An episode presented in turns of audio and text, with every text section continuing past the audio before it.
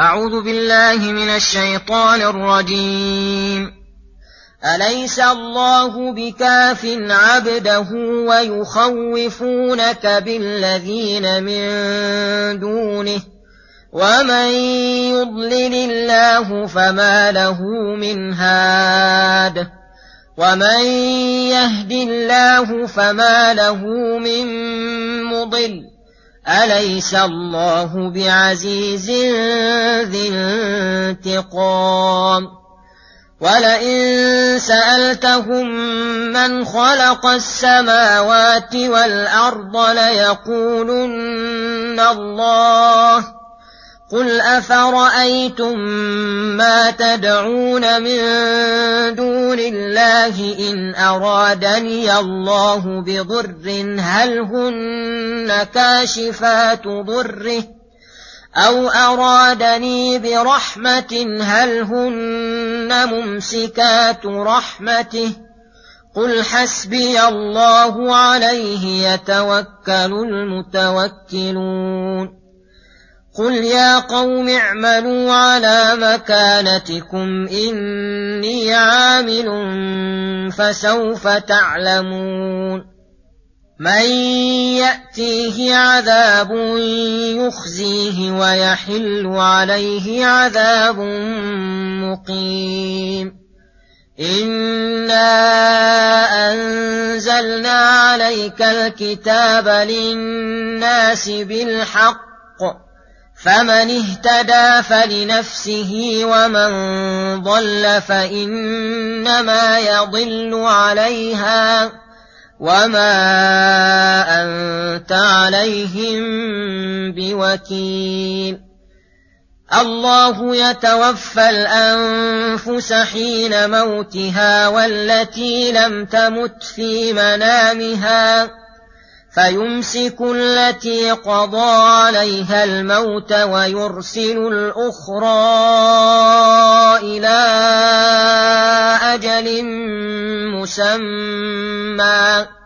إن في ذلك لآيات لقوم يتفكرون.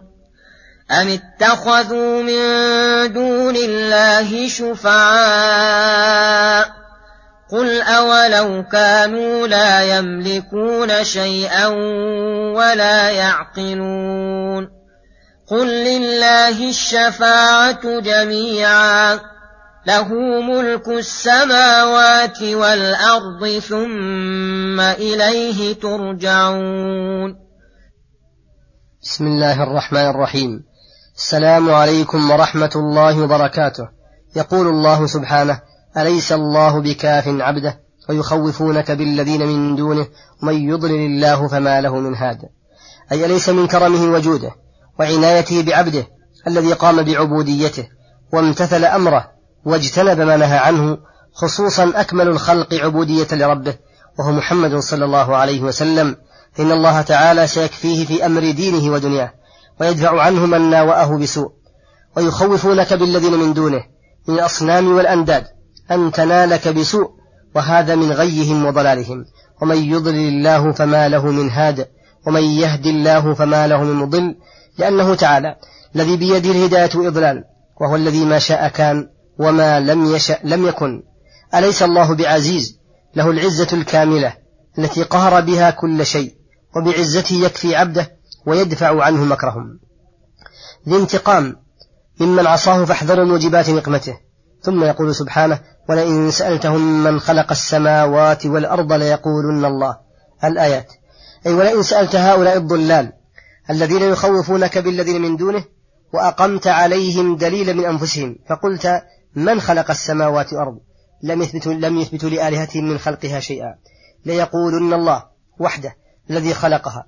قل لهم مقررا عجز آلهتهم. بعدما تبيت قدرة الله أفرأيتم؟ أي أخبروني؟ ما تدعون من دون الله. إن أرادني الله بضر أي ضر كان هل هن كاشفة ضره؟ بإزالة بالكلية أو بتخفيفه من حال إلى حال؟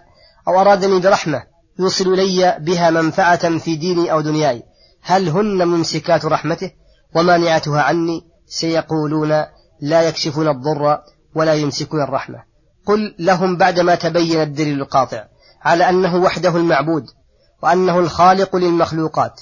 النافع الضار وحده وأن غيره عاجز من كل وجه عن الخلق والضر مستجلبا كفايته مستدفعا مكرهم وكيدهم. قل حسبي الله عليه يتوكل المتوكلون. أي عليه يعتمد المعتمدون في جلب مصالحهم ودفع مضارهم. فالذي بيده وحده الكفاية هو حسبي سيكفيني كل ما أهمني وما لا أهتم به. ثم يقول سبحانه قل يا قوم اعملوا على مكانتكم إني عامل فسوف تعلمون. أي قل لهم يا أيها الرسول يا قوم اعملوا على مكانتكم أي على حالتكم التي رضيتموها لأنفسكم من عبادة من لا يستحق العبادة ولا له من الأمر شيء إني عامل على ما دعوتكم إليه من إخلاص الدين لله تعالى وحده فسوف تعلمون لمن العاقبة ومن يأتيه عذاب يخزيه في الدنيا ويحل عليه في الأخرى عذاب مقيم لا يحول عنه ولا يزول. وهذا تهديد عظيم لهم. وهم يعلمون أنهم مستحقون للعذاب المقيم. ولكن الظلم والعناد حال بينهم وبين الإيمان. ثم يقول سبحانه إنا أنزلنا عليك كتابا للناس بالحق. فمن اهتدى فلنفسه ومن ضل فإنما يضل عليها. وما أنت عليهم بوكيل. يخبر تعالى أنه أنزل على رسول الكتاب المشتمل على الحق في أخباره وأوامره ونواهيه. الذي هو مادة الهداية وبلاغ لمن أراد الوصول إلى الله وإلى دار كرامته وأنه قامت به الحجة على العالمين. فمن اهتدى بنوره واتبع أوامره فإن نفع ذلك يعود لنفسه. ومن ضل بعدما تبين له الهدى فإنما يضل عليها لا يضر الله شيئا. وما أنت عليهم بوكيل تحفظ عليهم أعمالهم وتحاسبهم عليها وتجبرهم على ما تشاء. وإنما أنت مبلغ تؤدي إليهم ما أمرت به.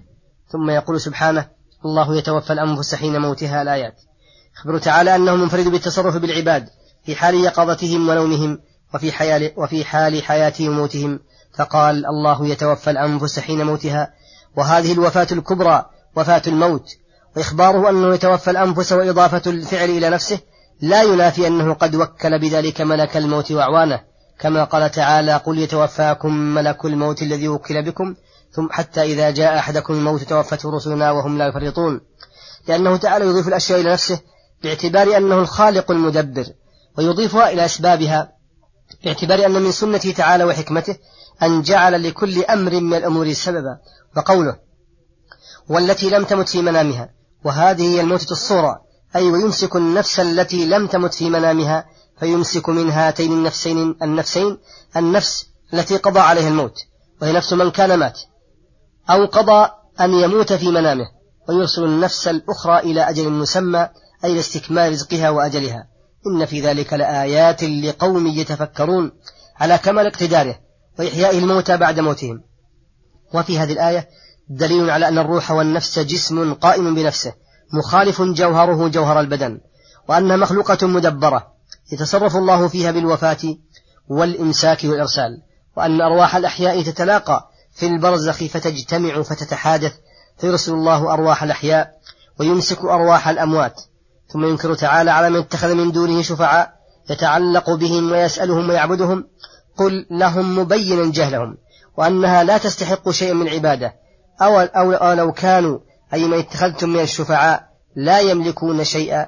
أي لا مثقال ذرة في السماوات ولا في الأرض ولا أصغر من ذلك ولا أكبر بل ولا يعقلون أي وليس لهم عقل يستحقون أن يمدحوا به لأنها جمادات من أحجار وأشجار وصور وأموات. فهل يقال إن لمن اتخذها عقلا أم هو من, من أضل الناس وأجهلهم وأعظمهم ظلما؟ قل لهم لله الشفاعة جميعا لأن الأمر كله لله وكل شفيع فهو يخافه ولا يقدر أن يشفع عنده أحد إلا بإذنه. فإذا أراد رحمة عبده أذن للشفيع الكريم عنده أن يشفع رحمة بالاثنين ثم قرر أن الشفاعة كلها له بقوله له ملك السماوات والأرض أي جميع ما فيها من الذوات والأفعال والصفات. فالواجب أن تطلب الشفاعة ممن يملكها وتخلص له العبادة ثم إليه ترجعون فيجازي المخلص له بالثواب الجزيل ومن أشرك به بالعذاب الوبيل. وصلى الله وسلم على نبينا محمد وعلى آله وصحبه أجمعين. إلى الحلقة القادمة غدا إن شاء الله. والسلام عليكم ورحمة الله وبركاته.